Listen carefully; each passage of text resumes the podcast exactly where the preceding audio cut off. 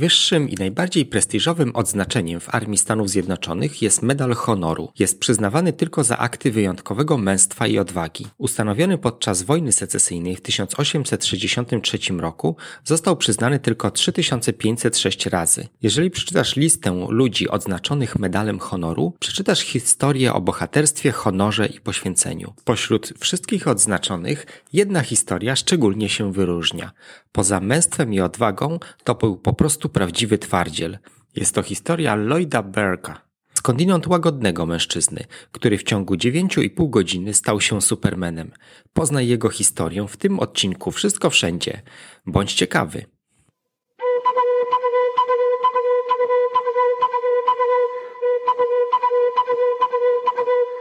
Lloyd Burke był łagodnym porucznikiem z Arkansas.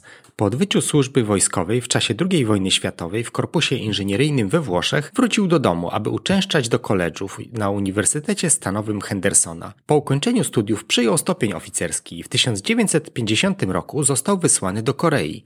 Podczas służby został odznaczony krzyżem za wybitną służbę, dwiema brązowymi gwiazdami i dwoma purpurowymi sercami. Jednak ta historia dotyczy wydarzeń z 28 października 1951 roku. Tego dnia Lloyd Burke stał się kapitanem Ameryką. Aż trudno uwierzyć w to, co zrobił, bo czyta się to jak scenariusz filmu akcji. Zamierzam czytać bezpośrednio z domieny publicznej opowieść o działaniach Burka tamtego dnia, ponieważ nie sądzę, abym mógł opowiedzieć to lepiej własnymi słowami. Uwaga, zaczynamy.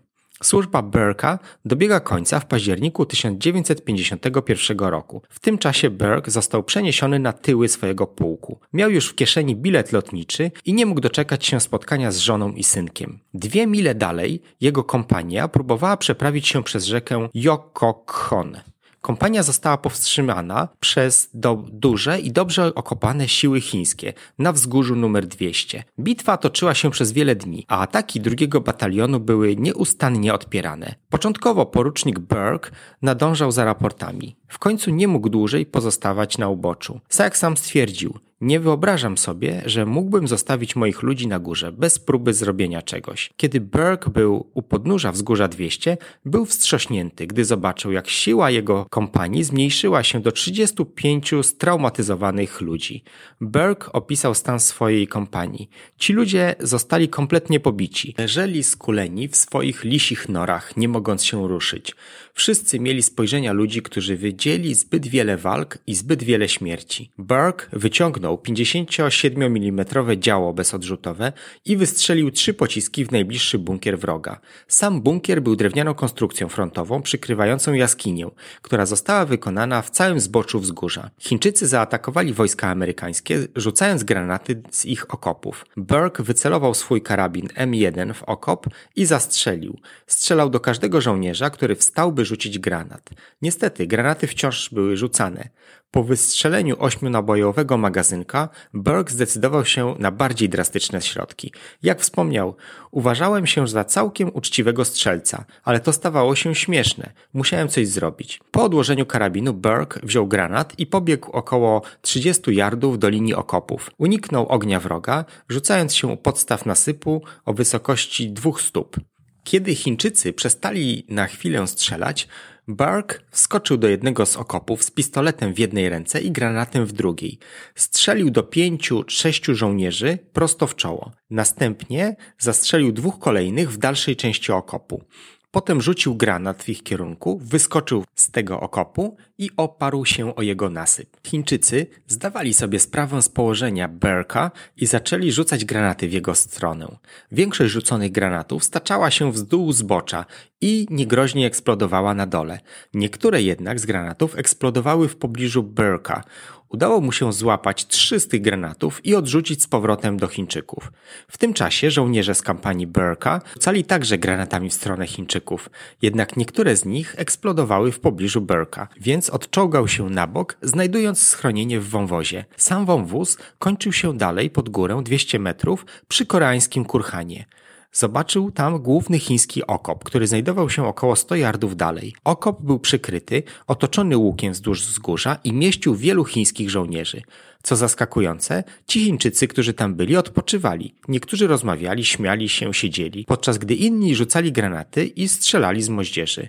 Burke zszedł do wąwozu na stanowisko kompanii i powiedział sierżantowi Ruthowi Fostersowi, starszemu podoficerowi, żeby przygotował się do ataku, kiedy Burke da sygnał. Następnie Burke, jak w amoku, zaciągnął ostatni działający karabin maszynowy Browning model 1919 z trzema puszkami amunicji z powrotem na wzgórze. Na szczycie kurhanu zamontował karabin, dokręcił do swobodnego obrotu i przygotował skrzynkę z amunicją na 250 nabojów. Zaczął strzelać do najbliższej części chińskiego okopu, gdzie znajdowały się moździerze. Po tym jak Burke ostrzelał wszystkie chińskie oddziały moździerzy, ostrzelał stanowisko ich karabinu maszynowego. Potem Burke strzelał w górę i w dół okopu do chińskich żołnierzy. W końcu cała grupa Chińczyków uciekła w dół okopu. Burke kontynuował strzelanie, dopóki jego Browning się nie zaciął. Podczas próby wyczyszczenia broni, Chińczycy zaczęli rzucać w jego kierunku granatami. Burke nie tylko zignorował te granaty, ale także nie przejął się szczególnie, gdy jeden z odłamków rozciął grzbiet jego dłoni. W końcu udało mu się odblokować swoją broń i wyeliminować chińską czołówkę. W tym czasie kompanii Burka zaczęli podchodzić do okopu, aby pomóc mu i wesprzeć go siłą swojego ognia. Gdy Chińczycy się wycofali, Burke owinął swoją kurtką polową lufę gorącą Browninga i zerwał 31-funtową broń ze statywu. Następnie owinął sobie wokół siebie pasy z amunicją i ruszył powoli w stronę okopu, strzelając do wycofujących się Chińczyków. Jego kompanii na czele z Fostersem podążyli za nim. Kiedy Burkowi skończyła się amunicja do Browninga, użył swojego automatu kaliber 45 oraz pozostałych graniatów, aby oczyścić bunkry. Na wzgórzu 200 Burke zabił ponad 100 ludzi i zdziesiątkował dwa stanowiska moździerzy i trzy gniazda karabinów maszynowych.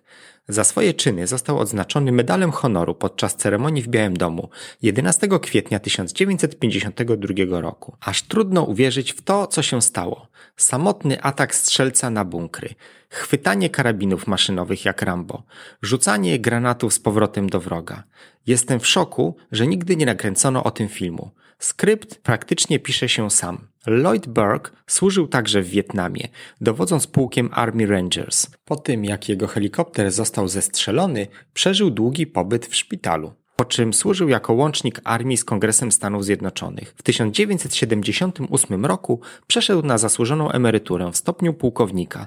Burke zmarł w 1999 roku w wieku 74 lat i został pochowany z pełnymi honorami wojskowymi na cmentarzu narodowym w Arlington. Stworzenie codziennego podcastu nie jest łatwe. Badanie, pisanie i nagrywanie codziennego programu zajmuje sporo czasu i muszę to robić każdego dnia. Zrób mi przysługę i zasubskrybuj kanał na Spotify, YouTube i Apple Podcast. Pomoże to innym słuchaczom odkryć program. Tak działają algorytmy. Dziękuję za wysłuchanie i pozostańcie ciekawi.